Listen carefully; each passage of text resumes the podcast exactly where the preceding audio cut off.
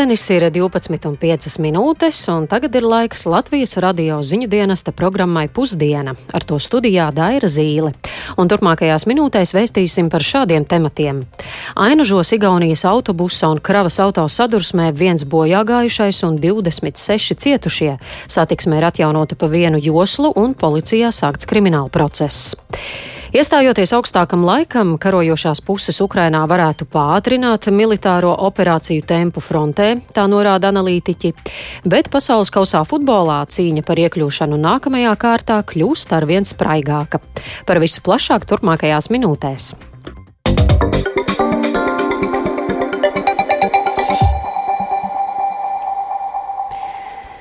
Gandrīz visā Latvijā, izņemot liepājas apkārtni, sniegoto ceļu dēļ šobrīd ir apgrūtināta braukšana.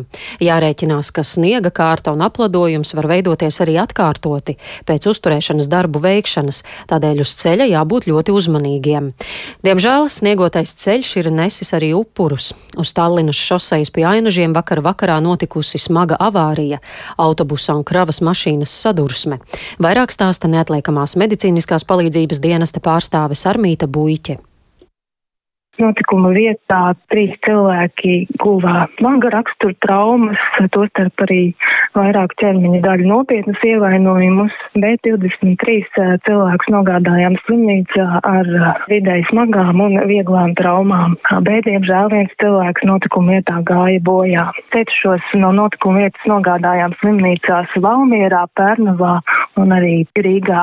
Un jāpiebilst, ka 17 cilvēkus eh, no notikuma vietas, lai gan viņi nebija guvuši veselībai būtiskus uh, ievainojumus, tomēr drošības nolūkā nogādājām slimnīcā apskats veikšanai, lai nepieciešamības gadījumā arī viņiem tiktu veikti nepieciešamie izmeklējumi.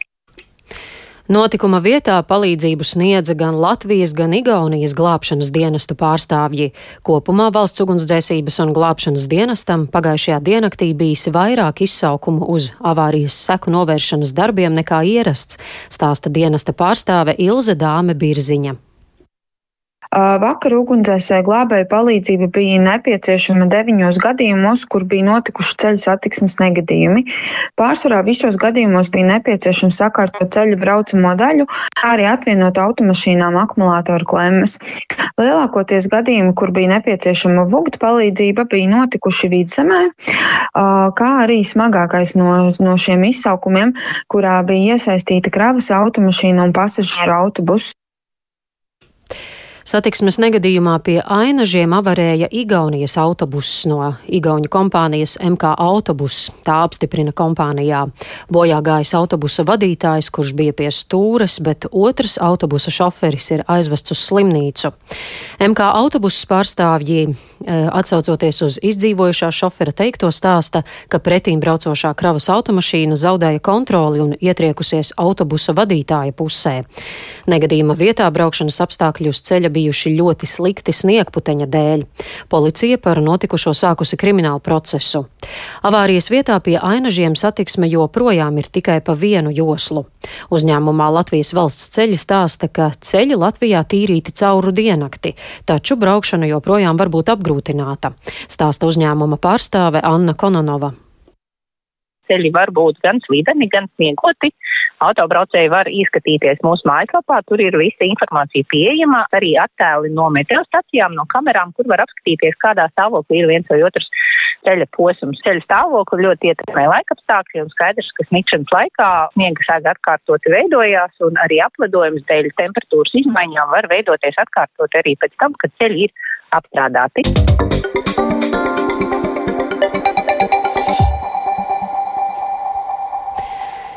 Iestājoties augstākam laikam un sasalstot zemei, Krievijas un Ukrainas spēki tuvāko pāris nedēļu laikā varētu pātrināt militāro operāciju tempu frontē. Tā norādījuši Amerikas Savienoto Valstu domnīcas kara studiju institūts pētnieki. Tikmēr Ukrainas armijas ģenerālštāps norādījis, ka Krievija veic sagatavošanās pasākumus nākamajam slēptās mobilizācijas vilnim. Plašāk stāsta Rihards Plūme. Krievijas armija naktī kārtējo reizi apšaudījusi vairākas vietas Ukrainā. Apšaudas notikušas gan Zaporīžas pievārtē, gan Ņipropetrovskas apgabala Nikopolis rajonā. Šis rajons ilgstoši apšaudīts jau otro nakti pēc kārtas. Gaisa trauksme skanējusi gandrīz 9 stundas, kuru laikā rajons apšaudīts piecas reizes. Cietušo par laimi nav. Gaisa trauksmes sirēnas šorīt skanējušas piecos apgabalos. Krivīrihā raķešu uzbrukumā nopietni esot cietis kāds transporta infrastruktūras objekts.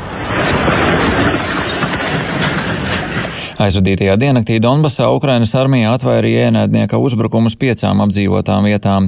Kā norāda Ukrainas armijas ģenerālštāps, Krievijas armija turpina pārgrupēt karaspēku, lai stiprinātu vienības un apakšvienības vairākos virzienos. Ienaidnieks turpina mēģināt virzīties uz priekšu Avdīvkas un Bahmutas virzienos.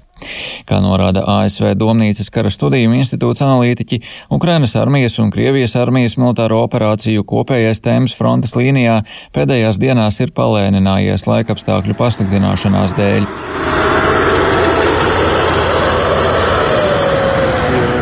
Operācijas apgrūtina spēcīgas lietusgāzes un lielie dubļi. Ukrainas karavīru filmētajos video no frontes redzams, ka ierakumi ir pilni ar ūdeni un visur ir dubļi. Un tā mēs vajojam. Militāro operāciju tēmas iespējams uzņems ātrumu jau tuvāko nedēļu laikā, tā min analītiķi. Tas tādēļ, ka gaisa temperatūra Ukrainā pamazām pazeminās un zeme frontes līnijā sasalst. Analītiķi gan piebilst, ka pagaidām nav skaidrs, vai kāda no pusēm šobrīd plāno atsākt lielas ofensīvas vai pretuzbrukuma operācijas. Savukārt Ukrainas armijas ģenerālštābs ziņo, ka Krievija veic sagatavošanās pasākumus nākamajam slēptās mobilizācijas vilnim, kuru plānots veikt Krievijas teritorijā un Ukrainas īslaicīgi okupētajās teritorijās. Tomēr pēc ģenerālštāba domām Krievija nevar nodrošināt mobilizēto personu loģistiku. NATO ģenerālsekretārs Jens Stoltenbergs intervijā paziņojis, ka Krievijas prezidents Vladimirs Putins nespēs izmantot ziemu kā ieroci, lai nospiestu Ukrainu uz ceļiem. Viņš norādīja, ka NATO augstu vērtē Vācijas sākotnējās ieroču piegādes Ukrainai, jo īpaši alianse ir pārliecināta, ka Vācijas pretgaisa aizsardzības sistēmas palīdzēs aizsargāt mājas, skolas un slimnīcas no Krievijas raķetēm. Vienlaikus Stoltenbergs uzsvēra, ka visiem partneriem ir jāpalielina atbalsts Ukrainai. Kā vēsta laikraksts The New York Times, 20 no 30 NATO dalībvalstīm ir izsmēlušas savus resursus, lai piegādātu ieročus Ukrainai. Tomēr pārējās desmit valstis var nodrošināt vairāk. Kā laikrakstam pastāstīja viena no NATO amatpersonām, šo desmit valstu vidū ir Francija, Vācija, Itālija un Nīderlande. Kopumā kopš 24. februāra NATO jau ir nodevusi Ukrainai ieročus 40 miljārdu dolāru vērtībā. Tas atbilst Francijas ikgadējam aizsardzības budžetam lietām. Tomēr abas karojošās puses tērē ieročus un munīciju nebijušā tempā, kam rietumi nebija gatavi, vēsta laikraksts. Īpaši daudz tiekot izmantota artilērija. Vasarā Ukraiņi dienā izšāvuši 6 līdz 7 tūkstošus artilērijas šāviņu, bet iebrucēji aptuveni 40 līdz 50 tūkstošus. Tikmēr Savienotās valstis saražo vien 15 tūkstošus šāviņu mēnesī. Rihards Plūme, Latvijas radio. Reizeknēs Tehnoloģiju akadēmijas pētnieki kopā ar kolēģiem no Ukrainas ir izveidojuši interneta mājaslapu, kurā ukraiņu valodā ir apkopoti dažādu terapiju veidi un praktiski piemēri. Lapa ir izveidota, lai pedagogiem palīdzētu bērniem mazināt trauksmi, ko izraisa karš Ukrainā.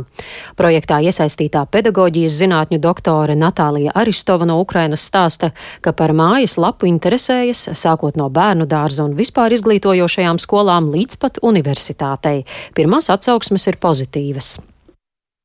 Uh,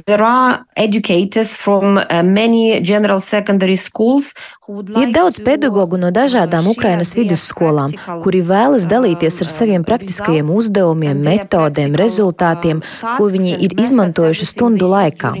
Viņi gribētu dalīties ar šo informāciju, ar fotogrāfijām, video, un būtu ļoti priecīgi, ja šo visu informāciju varētu izvietot mājaslapā, un cilvēki jebkur to varētu izmantot. And, uh, their work.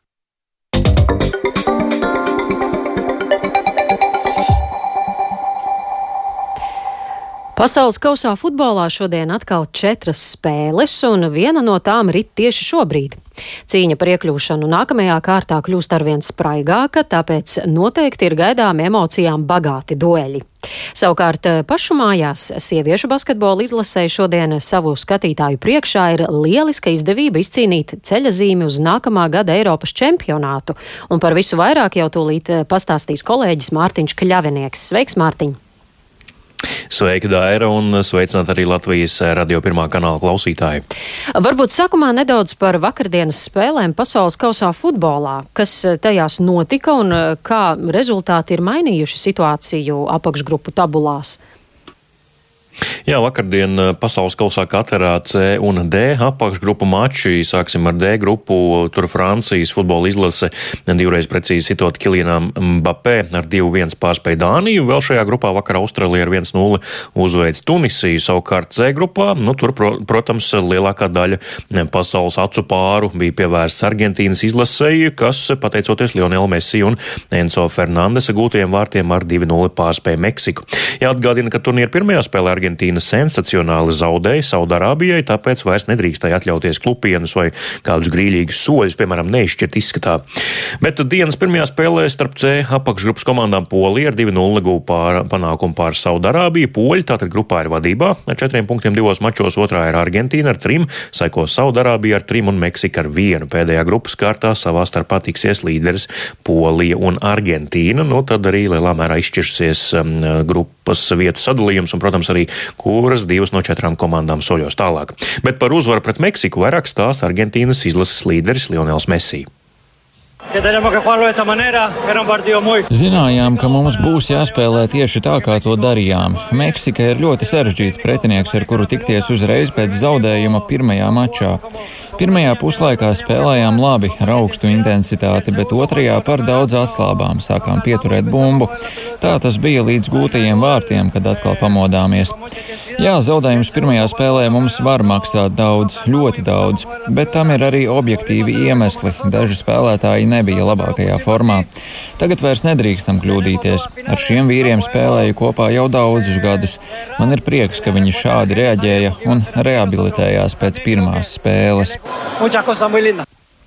Kādas spēles šodien ir plānotas pasaules kausā un kāds tad šobrīd ir rezultāts dienas pirmajā cīņā? Jā, Dārta, tu jau minēji, ka pirmā spēle ir tieši šobrīd sākums pulksten 12. un tajā Japāna stājas pretī Kostrikai. Japāņi tātad pirmajā spēlē sagādāja otro turnīru sensāciju, pārspēja Vāciju. Tagad šobrīd Japānas Kostrikas duelī 0 pret 0. Trijos dienā Beļģija, Maroka, sešos Horvātija, Kanāda, bet dienas centrālais mačs deviņos vakarā Spānija pret Vāciju. Visu spēļu tieši redz Latvijas televīzijas 7. kanālā Daira. Vēl viens šodienas sporta notikums norisināsies tepat Latvijā, un tā ir eh, dāmu basketbola izlases eh, cīņa un centieni izcīnīt eh, ceļazīmi uz Eiropas čempionātu. Kur un cikos notiks šī svarīgā spēle? Jā, tik tiešām Latvijas dāmas basketbola izlasē ir iespēja jau šodien uh, iegūt ceļzīmu uz Eiropas čempionātu savā laukumā. Trijos dienā būs jāspēlē pret Izraelu. Savs laukums nozīmē Rīgas Olimpiskais sporta centrs, bet, ja netiekat uz to, tad varat vērot spēli arī Latvijas televīzijas pirmā, šoreiz pirmā kanāla tiešraidē. Un, ja Latvijas izlase uzvarēs, tad izcīnīt ceļzīmu uz Eiropas čempionātu fināla turnīru vēl pirms uh, pēdējā mača, kas gaidāms februārī. Gundar Vētras vadītā komanda ir J grupas līderi. Latvietis pirms gada Televīvā Izraēlu uzvarēja, pēc tam arī pārspēja Zviedriju, bet savukārt Izraela tikai pirms trim dienām guva savu pirmo uzvaru turnīrā pārspējot Zviedrietis. Latvijas rīcībā ir visas līderes no iepriekšējā gada. Aleksa Gulbe sākusi profesionāls karjeru, Kāta Vilka atgriezusies basketbolā pēc ģimenes pieauguma, bet ierindā būs arī pieredzējušās Elīna Babkina, Ilza Jākopsona, Ieva Pulvere, Aneta Steinberga un arī Aija Jurjāne. Sekojam līdzi un, protams, klausieties Latvijas radio, tur arī uzzināsiet, kāds tad šīs spēles iznākums. Paldies! Tas bija kolēģis Mārtiņš Kļavinieks. Līdz ar to arī izskan pusdienas ziņu raidījums. Producente Agnese Vasarmane par labskaņu gādāja Uldis Grīnbergs, skaņu režijā Rita Karnača, bet studijā Daira Zīle. Un vēl īsi svarīgākais. Ainažos Igaunijas autobusa un kravas auto sadursmē viens bojā gājušais un 26 cietušie. Satiksme atjaunota pa vienu joslu un policijā sākts krimināla process. Iestājoties augstākam laikam, karojošās puses Ukrainā varētu pātrināt militāro operāciju tempu frontē. Mūsu ziņām varat sekot līdzi arī Latvijas radio mobilajā aplikācijā vai LSM LV.